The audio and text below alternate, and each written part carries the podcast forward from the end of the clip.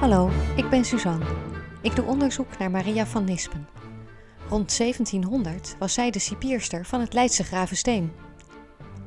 In seizoen 3 vertel ik jullie een aantal verhalen over mensen die Maria heeft bewaakt. Daarvoor ben ik in de archieven van Erfgoed Leiden en omstreken gedoken.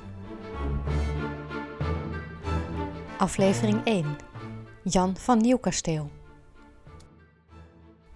Elke keer dat ik de bekentenis van Jan van Nieuwkasteel lees, ben ik wat ontdaan. Het doet iets met me.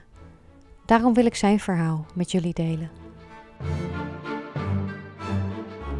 In tegenstelling tot wat zijn achternaam doet vermoeden, is Jan geboren in Nederland in oktober 1701.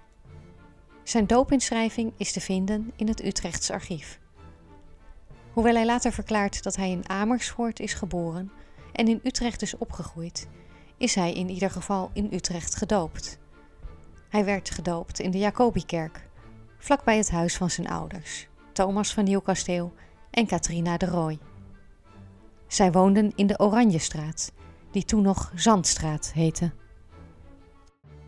Over Jans jeugd is niets te vinden, maar in 1724, hij is dan 22, 23 jaar, lijkt hij getrouwd te zijn ik weet niet met wie, ik kan ook geen huwelijksregistratie vinden. Maar hij woont in Leiden, in de Looierstraat. Die straat is nu verdwenen. Het nieuwe groene lakenplein ligt daar tegenwoordig. Jan is spinner en dient als soldaat bij de binnenwacht als hij in de Jan Vossensteeg in een vuistgevecht geraakt met een jonge man, die hij daarna met zijn degen kwetst aan diens knie en hand. Jans vrouw onderhandelt met de vader van het slachtoffer en zij komen overeen dat er geen aanklacht zal komen.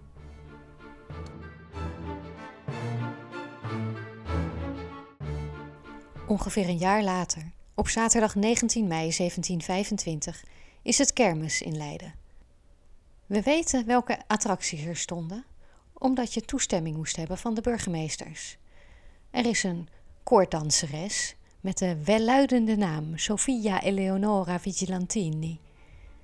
Lambert Rochet heeft een tent waarin je hem kunt zien spelen uit de tas. Wat dat is, weet ik dankzij Annemarieke Willemsen, die mij erop wees dat hocus pocus hier vandaan komt.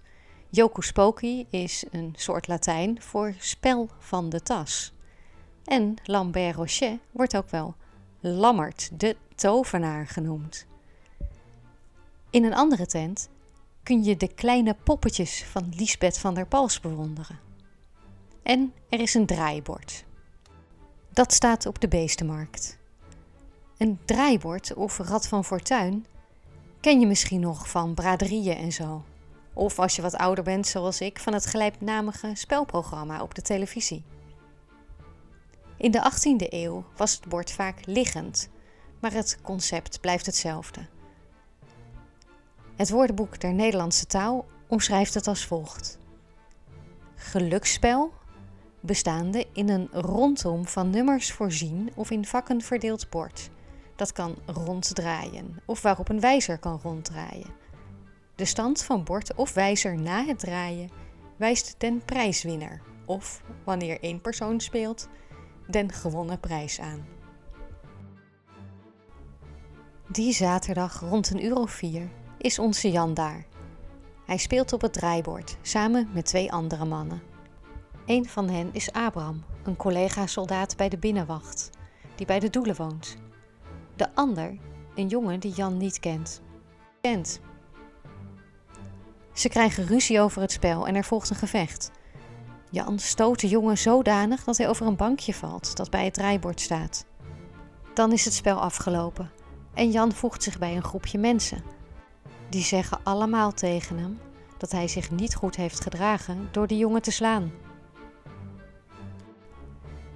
Maar als Jan de jongen weer ziet, trekt hij zijn degen en stapt op hem af. Hij zwaait met de degen naar de jongen, terwijl hij hem achterna loopt en raakt daarbij een pand van diens rok. De jongen weet Jan te ontlopen. En Jan loopt weg van de beestenmarkt, zijn degen nog steeds ontbloot. Hij loopt over de ijzeren brug naar de oude vest. Dat is nu de oude singel. Daar steekt hij zijn degen weer in de schreden en hij loopt de Fokkersteeg in, richting de Lange Gracht. Deze Fokkersteeg bestaat nog steeds. Hij heet nu Fokkerstraat en de meeste Leidenaren zullen hem niet kennen, want hij ligt verscholen achter een houten hek tussen Oude Singel 16 en 18. Hij loopt recht naar de Lange Gracht, waar eenzelfde houten hek is. In 1725 was de steeg net zo smal, maar wel publiek toegankelijk. Jan loopt dus dit steegje in en komt uit op de Lange Gracht. Maar hij wordt achtervolgd door een groep jongens.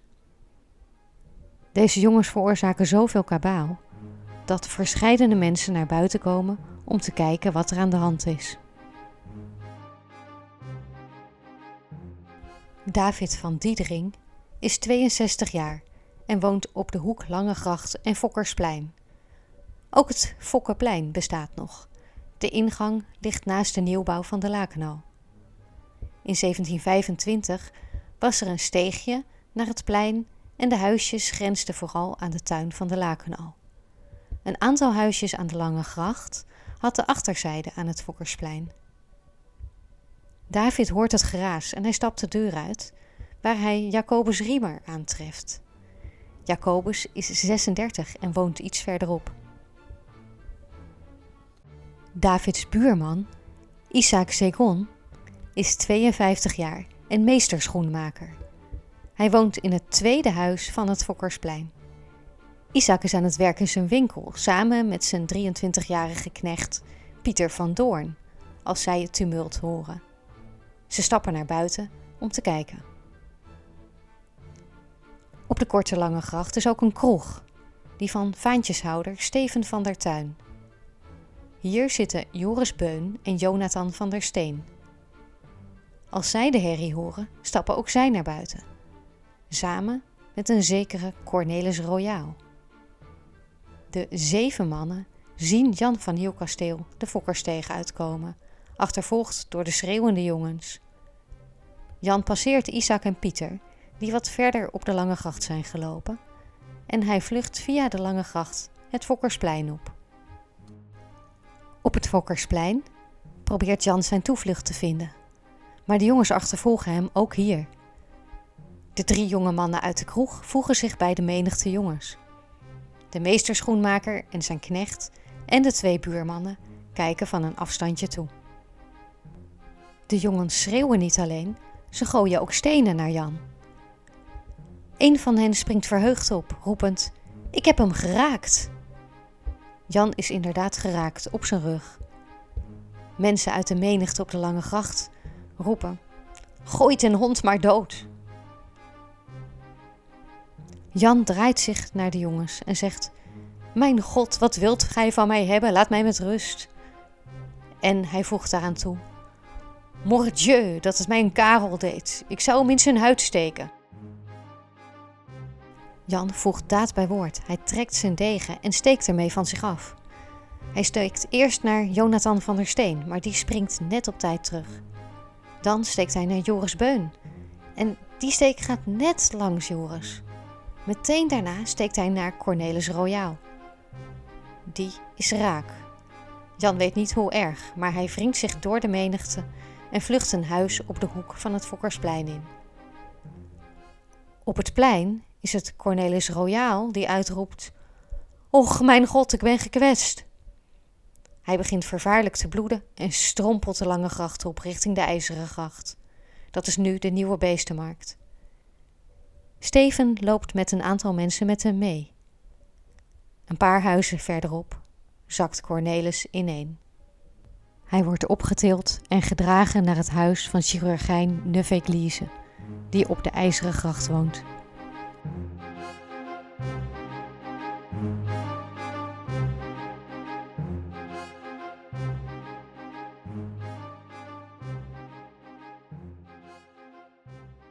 Terug naar Jan van Nieuwkasteel. Vanaf het plein klinkt geroep dat de jongen die hij geraakt heeft dood is. Huilend vlucht Jan het huis uit. De mensen gaan voor hem uit de weg en roepen hem toe: Loop, Karel! Ook David van Diedering roept: Karel, stelt het op een lopen. En Jan antwoordt: Ik kan niet lopen, ik ben een man des doods, ik moet ook sterven. Of misschien roept hij: Ik ben God ook maar eens de dood schuldig. En hij rent huilend weg. Hij gooit zijn degen en de schede op de grond en rent aangemoedigd en gevolgd door de omstanders over de lange gracht naar de binnenvestgracht tot op de Marebrug. Vlak bij de Marepoort wordt hij door Frans, dienaar van de justitie, gearresteerd.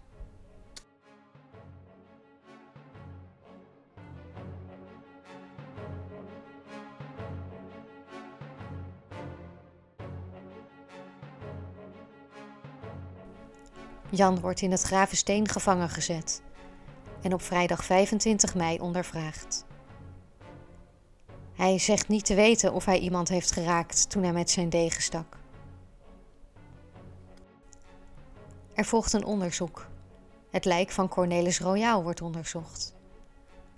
Wat daar staat: de wonde is in de linkerlies, twee vingeren breed onder het osputis, en dat de rena crucialis bijna half afgesneden is, waardoor een grote bloedstorting gevolgd is, zo dat de lijder binnen korte tijd is gestorven.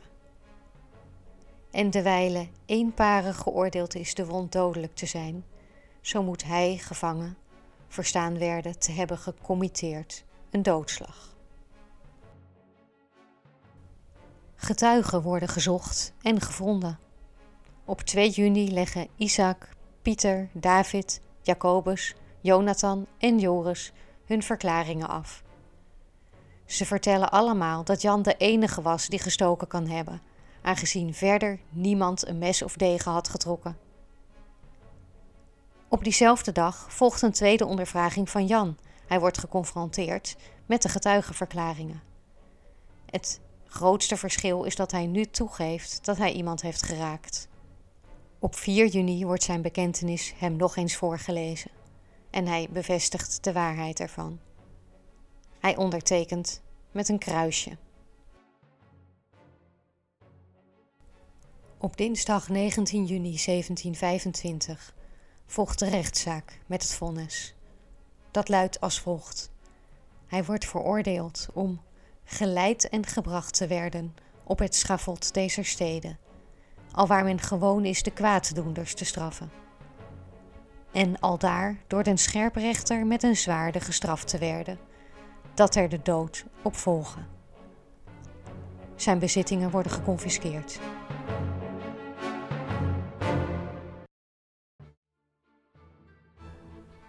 Nu volgt een wat verwarrend verhaal. Ik wil bewijs vinden van de executie van Jan. Een scherprechter of beul moet toch betaald zijn voor zijn werk? In de stedelijke rekening van 1725 kan ik hier geen vermelding van vinden. Ik geef niet op en zoek in de stedelijke rekening van 1726. Ook niets. Dan haal ik de burgemeestersdagboeken en de gerechtsdagboeken van die periode erbij. Nog steeds niets, wel veel andere interessante dingen trouwens. Als laatste optie haal ik een bron erbij die ik nog nooit eerder had geraadpleegd.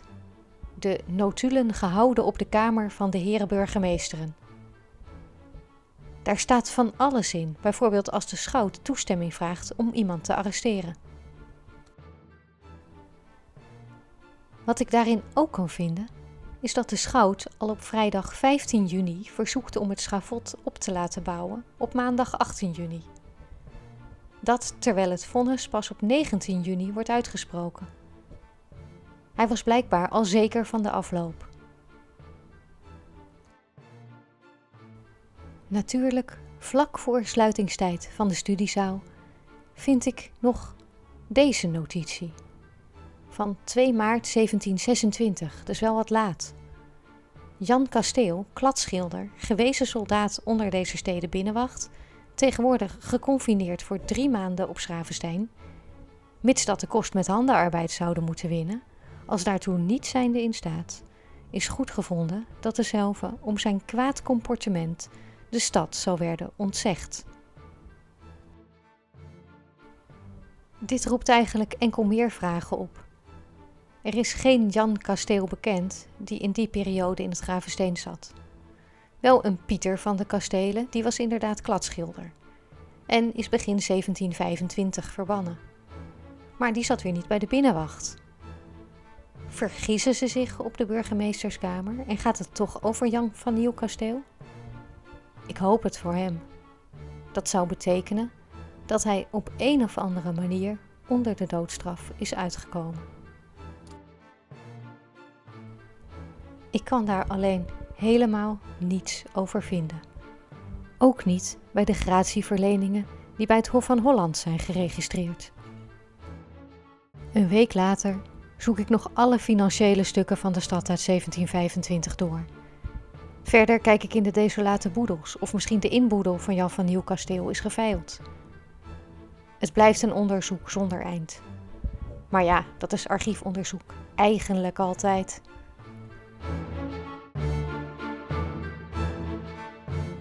Dit was aflevering 1 van seizoen 3 van mijn podcastserie De Cipierster. In de volgende aflevering vertel ik jullie graag over de zusjes Bertram die in 1708 werden opgepakt. Maar dat onderzoek moet ik nog doen.